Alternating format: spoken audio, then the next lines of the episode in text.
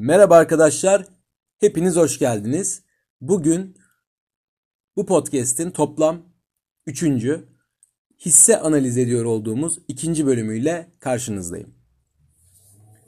Öncelikle İbrahim Bey'e teşekkür etmek istiyorum arkadaşlar. Borsanın izinden isimli güzide Twitter kullanıcısına ki beni profilinde paylaşarak sizlere ulaştırdı. Ciddi bir takipçi kitlesi kazandım Twitter hesabımda borsanın izinden sayesinde. Kendisine çok teşekkür ediyorum. Kendisi de gerçekten son derece güzide bir hesap olup e, teknik analiz konusunda ve genel olarak borsa okuryazarlığı, finansal okuryazarlığı konusunda da çok değerli paylaşımları var kendisinin ve ben de zaten severek takip ediyorum ve bir şeyler öğreniyorum kendisinden uzun zamandır. Kendisi de bir abilik yaparak bana beni kendi hesabında paylaşıp desteklediği için teşekkür ediyorum. Ve en önemlisi siz dinleyicilerime de teşekkür ediyorum. Bugün bu yayındasınız. Hep birlikte güzel bir hisse analizi yapacağız diye umuyorum arkadaşlar. Artık İbrahim Bey'in hesabından gelmiş olabilirsiniz. Esat Bey'in hesabından gelmiş olabilirsiniz. Ahmet Bey'in hesabından gelmiş olabilirsiniz. Liseden, üniversiteden, EY'den, Yapı Kredi'den nereden geldiyseniz gelin. Hoş geldiniz. Bugün aslında enteresan bir gündü.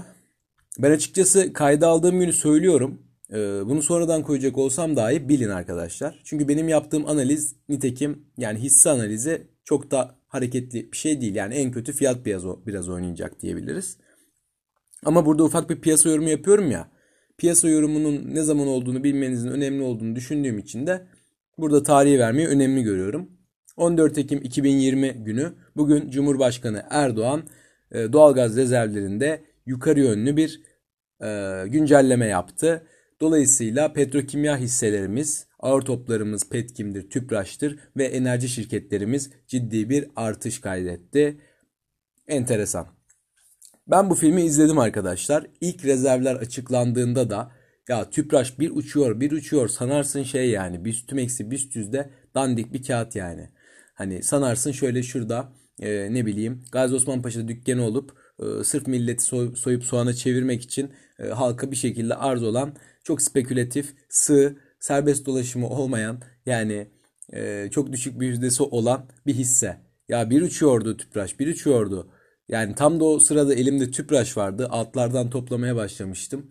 Gerçekten benim için güzel bir sürpriz olmuştu. Ama ben Erdoğan konuşmadan önce satmıştım. Erdoğan konuştuktan sonra da aynı şekilde taban yedi. Spekülatif bir şekilde. Yani ben bu filmi gördüm. Hani bu sefer de öyle olur anlamına gelmesin dediğim ama ya kısa vadeli hareketler bunlar. Ben açıkçası pek kalıcı olacağını düşünmüyorum. Kendi şahsi yorumumdur. Buna göre hareket etmeyin zaten. Evet, e, petrokimya ile birlikte enerji şirketlerimiz de son derece büyük bir ivme kazandı. Herkes gözünü yukarı çevirdi. Herkes küçük yatırımcımız trene bindi gidiyor. Bakalım nereye kadar ne olacak? Hep birlikte görüyor olacağız. Bizim de tesadüfen bugün inceleyeceğimiz hisse aslında bir enerji hissesi arkadaşlar. Sizce hangi hisse? Evet aslında bunun cevabı çok basit. Çünkü Twitter'da bunu sizinle anket yaptık zaten. Ve e, ben açıkçası anketi 3 gün yaptım ama birinci günün kazanını direkt seçtim, analiz etmeye başladım ve paylaşıyor olacağım. Eğer başka bir hisse kazandıysa yani Tofaş veya Kozal, kontrolmatik bayağı zor da Tofaş veya Kozal kazandıysa ve ben burada aksini anlatıyorsam Tofaş'a ve Kozal'a oy veren biri varsa içerlemiş, gücenmiş ve diyen ulan hani nerede benim hisse analizim? Hani dinleyecektim aksenlerden çıktı ben kazanmıştım. Eğer Twitter'dan veya Instagram'dan DM atarsa kendisiyle kısaca konuşuruz. E, yorumlarımızı yaparız karşılıklı muhabbetini ederiz yani. Evet arkadaşlar e, şunu belirteyim. Aksa Enerji ben bu şirketi ilk gördüğümde temettü yatırımcılığı peşinde koşan bir genç olarak Aksa Akrilik'i gördüm. Her 10 gençten 20'si gibi yani neredeyse. Aksa Akrilik bir şekilde benim karşıma çıktı. Ve öyle olunca altta böyle Aksa diye aratırken Aksa Enerji'yi de görmeye başladım. Dedim ki ya bunlar aynı gruptur herhalde zaten. Hani Aksa gibi spesifik bir ismi iki şirkette yani aynı kişi kullanır. Meğerse kazına ya öyle değilmiş arkadaşlar. Aksa Akrilik Akkök grubunun. Akkök grubunun da bir enerji şirketi var ama adı Ak Enerji. Aksa Enerji ama Kazancı Holding'in. Kazancı Holding diye güzide bir holdingimiz. Hadi başlayalım. Aksa Enerji arkadaşlar aslında 1997 yılında kurulmuş. Harika. Bu adamların asıl yaptığı şey kömür olsun, akaryakıt olsun, biyogaz, doğalgaz, rüzgar, hidroelektrik, çeşitli enerji kaynaklarını kullanarak 30'dan fazla enerji santralinin inşası ve bu doğrultuda bu santrallerin işletimi. Dolayısıyla bu konuda ciddi bir know-how'ları var. Ya zaten demişler ki bizim ciddi bir know-how'ımız var. Bunu başka yerlerde de kullanalım. KKTC yavru vatanında bizden sayarsak yurt dışında büyümeyi hedeflemişler ve 2015 yılında Afrika'ya doğru yol almışlar. Dolayısıyla Gana'da, Madagaskar'da, Mali'de çok kısa sürede enerji santralleri açarak Afrika pazarına açılmış olmuşlar. Ee, dolayısıyla şu an iki kıtada 5 ülkede faaliyet gösteren güzide bir kurumumuz aslında Aksa Enerji firması. Kısaca yani ne yapıyor? Enerji üretiyor. Şirket arkadaşlar 2010'da 4.9 liradan halka arz edilmiş. Ama maalesef bu halka arzda dönem konjonktürünün de etkisiyle talep beklenenden oldukça düşük olmuş. Dolayısıyla çok daha büyük planlar yapmışken e, ortaklar %5,1 mi 2 mi öyle bir halka arz yapabilmişler. 2012'de sermaye arttırdıktan sonra 2013'te yurt dışındaki nitelikli yatırımcıya 4 liradan bir halka arz yapmışlar. Bu sayede halka açıklık %21.4'e çıkmış. Güzel. Enerji sektöründe net kar eden şirket azdır şu an. Enerji ve gayrimenkul ve inşaat firmaları genel olarak bizim en problemli firmalarımız. En çok e, finansman gideri yüksek, borç ödeyen firmalarımızın başında geliyor bu firmalar. Ama Aksa Enerji net kar elde edebilen nadir şirketlerden biri. Son 3 yılda 1 milyar lira net kar elde etmiş. Hani burada azınlık payı, ana ortaklık falan ayırmıyorum. Diyorum ki 3 yılda 1 milyar. Harika. Satışlarının %25'i, %30'u arkadaşlar yurt dışına gerçekleşiyor. Ve bu yurt dışı ülkeleri de 3 tane saydığım Afrika ülkesi zaten biliyorsunuz. Biraz da holdingden bahsedelim sizlere. Kazancı Holding aslına bakacak olursanız enerji üretmek için, enerji satmak için doğmuş. Adamlar yani bu işe başladıklarından beri 1950'li yıllardan beri enerji üretimi yapıyorlar. Yani elektrik motor fabrikası almışlar en başta. Sonra 80'li yıllarda jeneratör üretmeye başlamışlar. Sonra enerji santrali kurulumu, elektrik üretimi, sonra bunların işte doğalgaz dağıtımı, elektrik dağıtımı yani patladı gitti olmuş biraz. Yani grup şirketleri işte Aksa Doğalgaz, Aksa Elektrik, Aksa Enerji bizimki yani. Aksa Jeneratör. Ya bunun yanında işte tarımla, turizmle de hobi olarak uğraşıyorlar herhalde. Yani Erciyes Dağı'nda işte ne bileyim Antalya'da otelleri var. Ee, Samsun'da, Tekirdağ'da, Karadeniz'de, Trakya'da böyle tarlaları, marlaları bir şeyler yapıyorlar oralarda da. Ama yani Kazancı Holding kim diye sorarlarsa size bir gün ki niye sorsunlar yani çok karşınıza çıkmayacaktır bu soru ama derlerse kazancı holding neydi abi ya falan böyle. Dersiniz ki bu adamlar enerjici.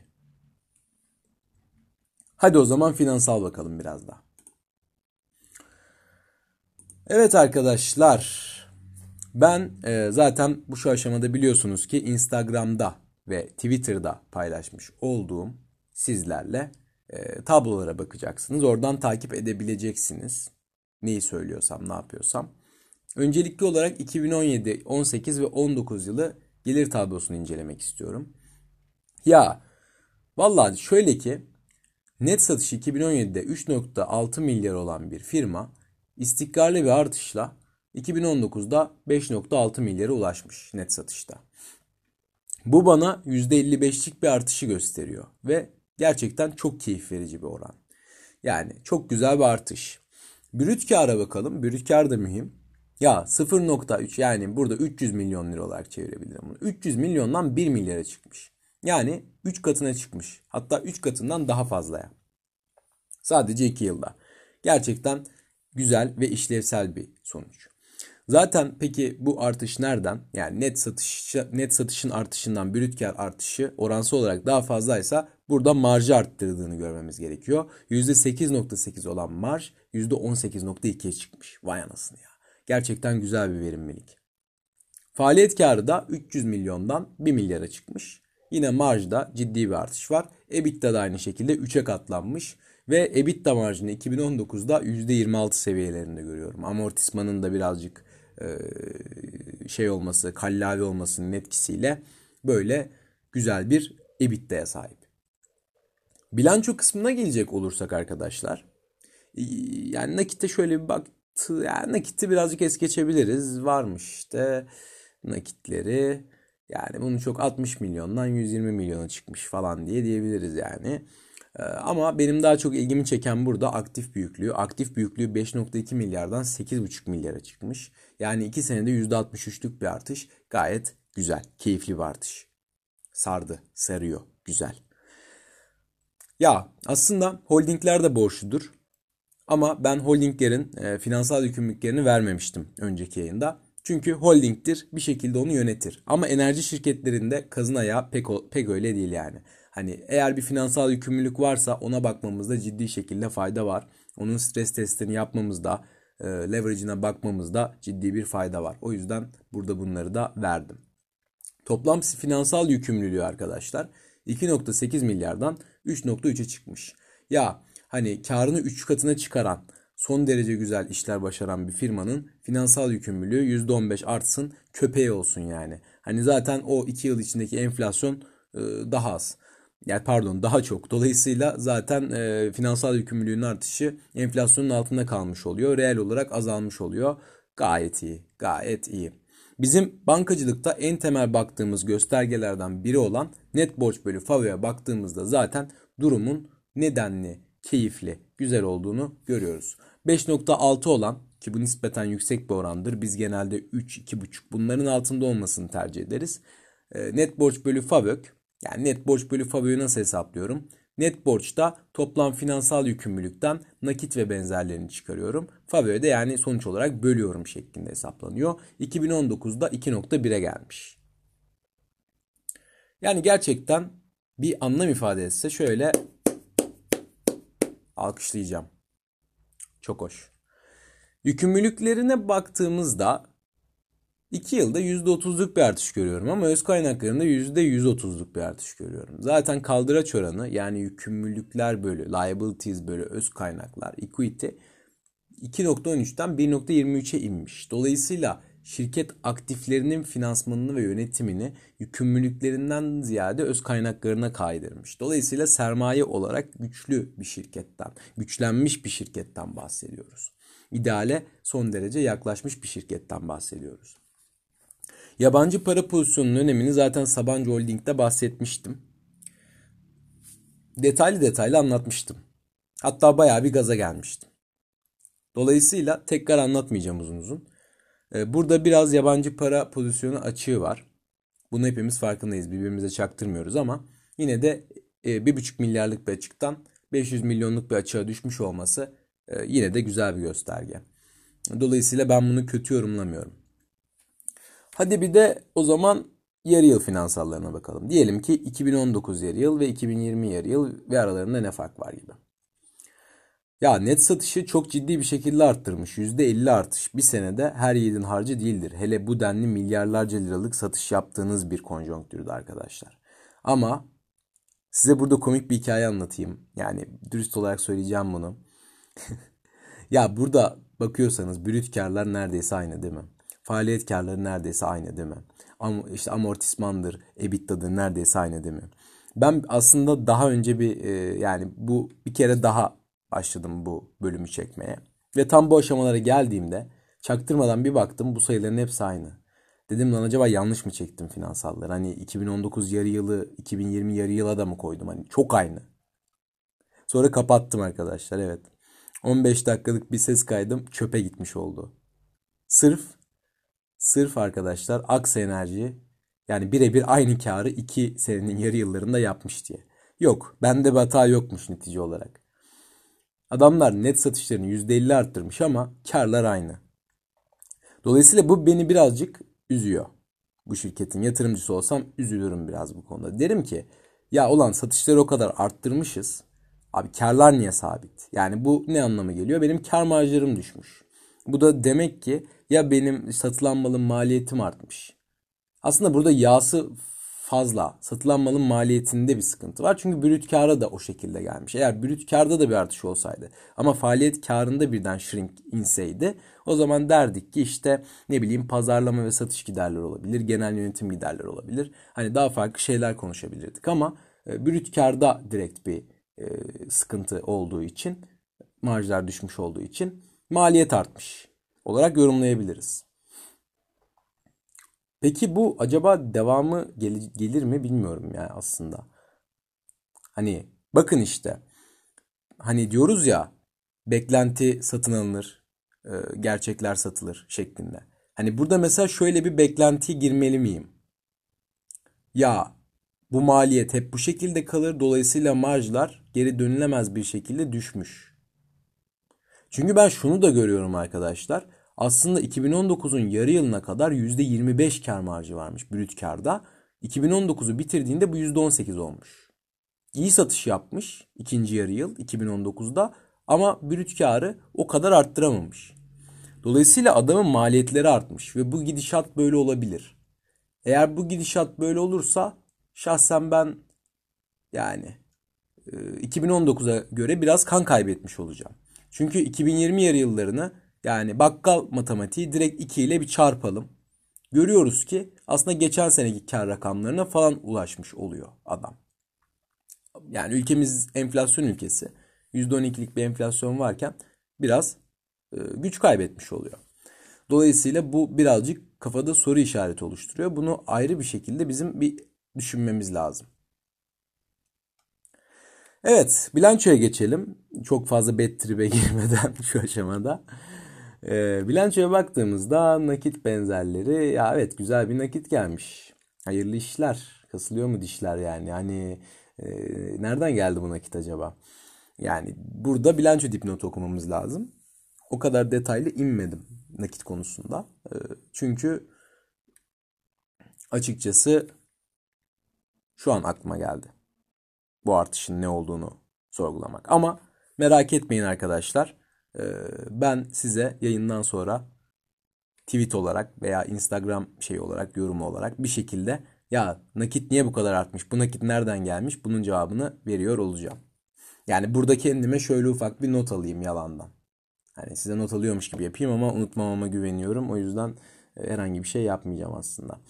Ee, unutmam arkadaşlar. Hafızam sağlamdır. Neyse aktiflere bakıyorum. Aktifler 6.9 milyardan 9.3 milyara çıkmış. Ya bir senede güzel bir artış. %35. Çok iyi. Toplam finansal yükümlülükler azalmış %10. Harika. Hem de yani kısa vadeli de uzun vadeli de %10 civarlarında azalmış.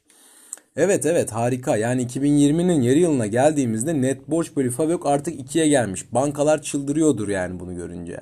Hani gerçekten bir bankacı olarak ben gördüğümde gözlerim doluyor. Çünkü net borç bölü FAVÖK bir enerji şirketinin 2 olması hani gerçekten e, piyasadaki batık oranları düşünülünce hoş.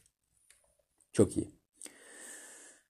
Yükümlülükleri birazcık artmış ama yani yine baktığınızda öz kaynaklarında çok ciddi bir artış var. Bir sene içinde %90'lık bir artış görüyoruz. 2.3 milyardan 4.3 milyara.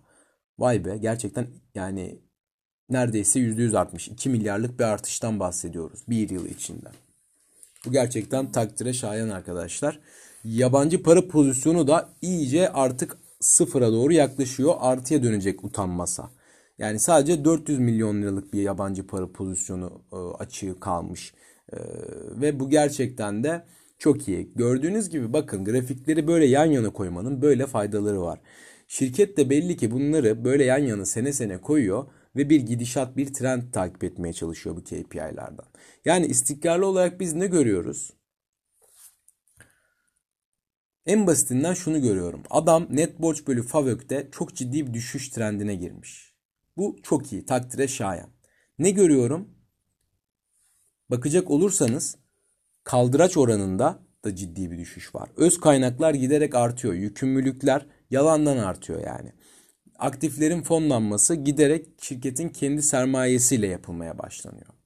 Bununla birlikte yabancı para hedge ediliyor. Yabancı para pozisyonu e, olabildiğince e, pozisyonda yani yabancı para açığı kur riskini olabildiğince azaltmak adına FX pozisyonunu e, son derece dikkatli takip ediyor. 2017'de 1,5 milyar olan açık şu an 400 milyona inmiş durumda. En basitinden ben bunları takip ediyorum. Satışlarda çok kaliteli bir artış var. Yani ben kar marjı neden düşmüş bilmiyorum. E, maliyet artmış.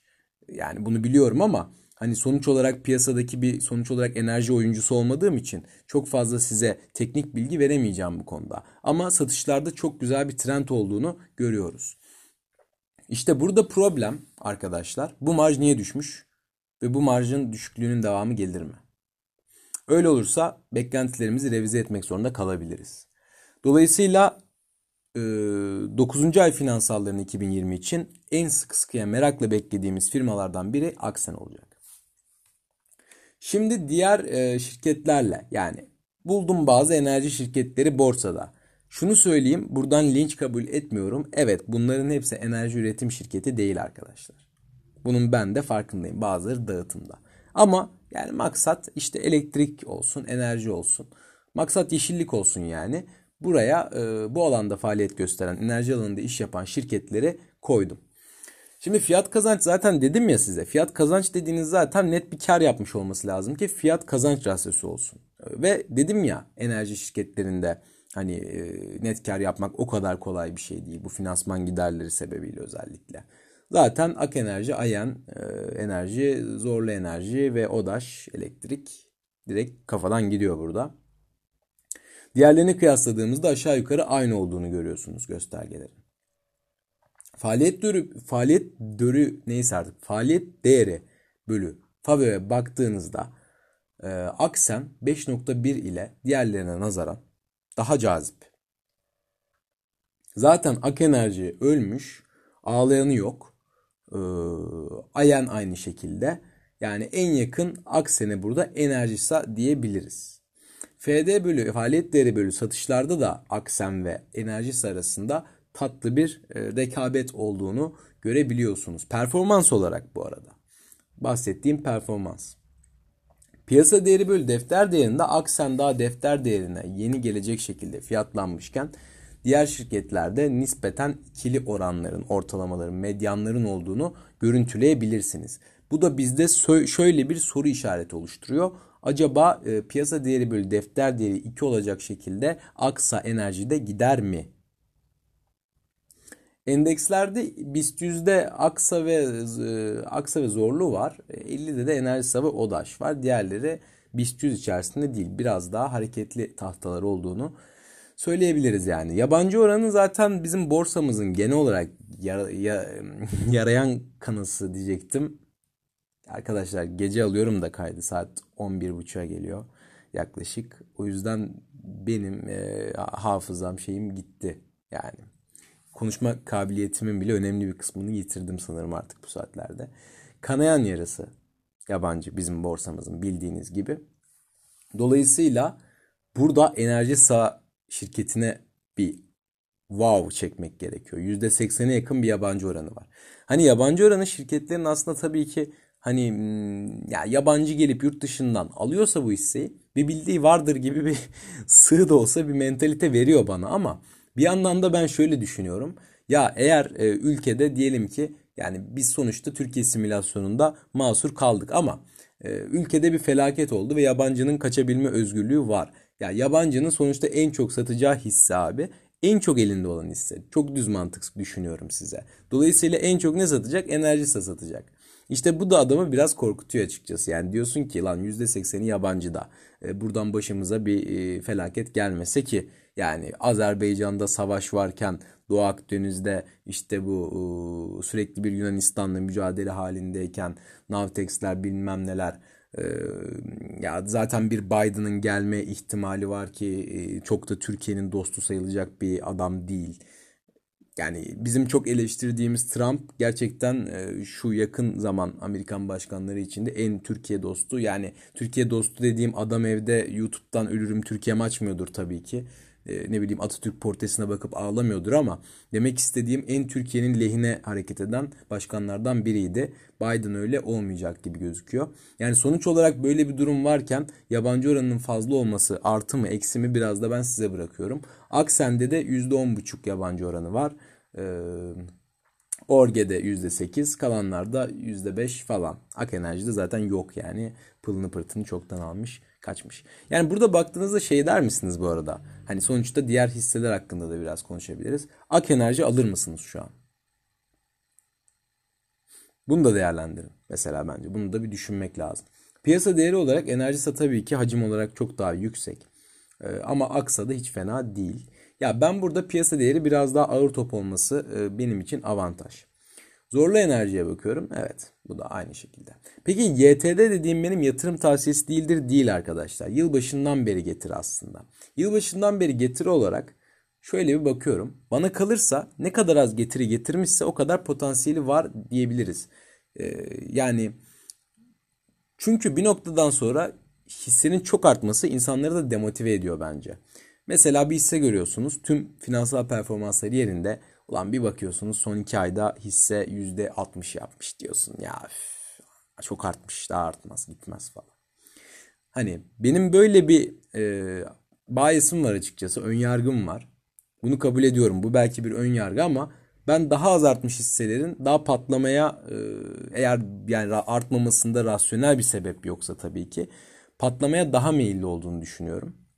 Çünkü zaten ya bakıyorsunuz abi ne var burada? ODAŞ %151 artmış. Ya e, toplanak Allah diyek yani. Hani sana zaten biz daha ne yapalım diyorsun yani. Ak Enerji %140 yapmış bu halde. Yani diyorsun ki daha ne yapayım ben sana ama e, mesela bir enerji sayı baktığında %27.8 keyifli. Yani enerji şirketleri içerisinde Aksa'nın da %86,5'luk bir artışı var maşallah. Ee, ama mevcut finansal e, rasyoları da hala bu fiyatı kaldırabilecek gibi gözüküyor. Son olarak fiyatına bakalım. Aslında fiyat hakkında da bir şeyler söyledik ama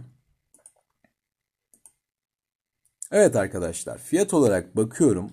Bu hisse pandemi döneminde 3 liralarda geziyormuş. 3 lira 20 kuruşlar falan. Şu an 7 lira 7 kuruş. Hey maşallah. Yani bir de derler ki borsadan para kazanılmaz. Yani gerçekten ben bu hisseyi Mart'ta Nisan'da keşfetsem alırım ya.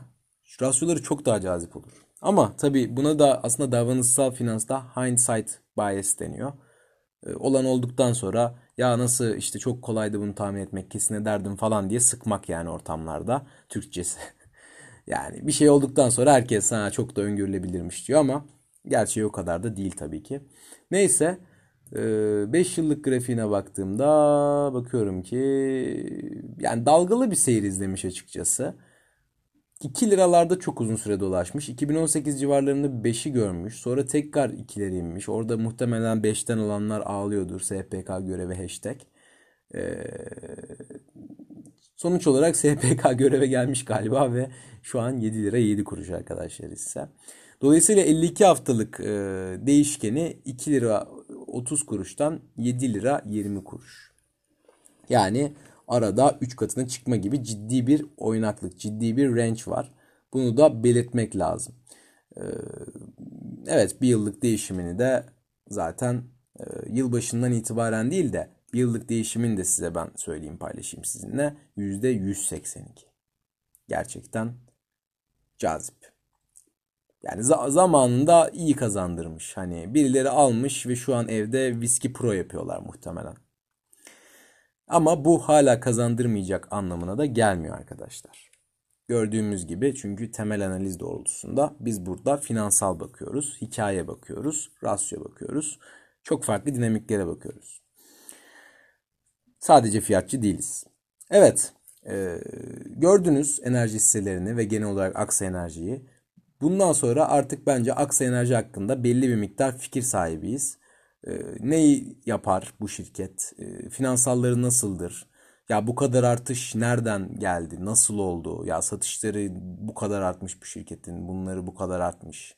Veya şunu biliyorsunuz en azından ki e, brüt kar marjında ciddi bir daralma var. Finansal yükümlülüklerini çok iyi yönetmiş. Net borç bölü favori çok güzel. Kaldıraç oranı çok hoş. Yabancı para pozisyonu giderek iyiye gidiyor. Bunun gibi şeyleri biliyorsunuz arkadaşlar. E, FD bölü FAVÖK olsun yanıyor. Fiyat bölü kazanç yanıyor. E, bunları biliyorsunuz. Bununla birlikte soru işareti oluşturan unsurları biliyorsunuz. Ne kadar kazandırmış yılbaşından beri bir yıl içerisinde. Bunun gibi şeyleri biliyorsunuz. Ve bu yayının da bu bilgilerle sonuna geliyoruz. Dinlediğiniz için çok teşekkür ediyorum. İyi akşamlar.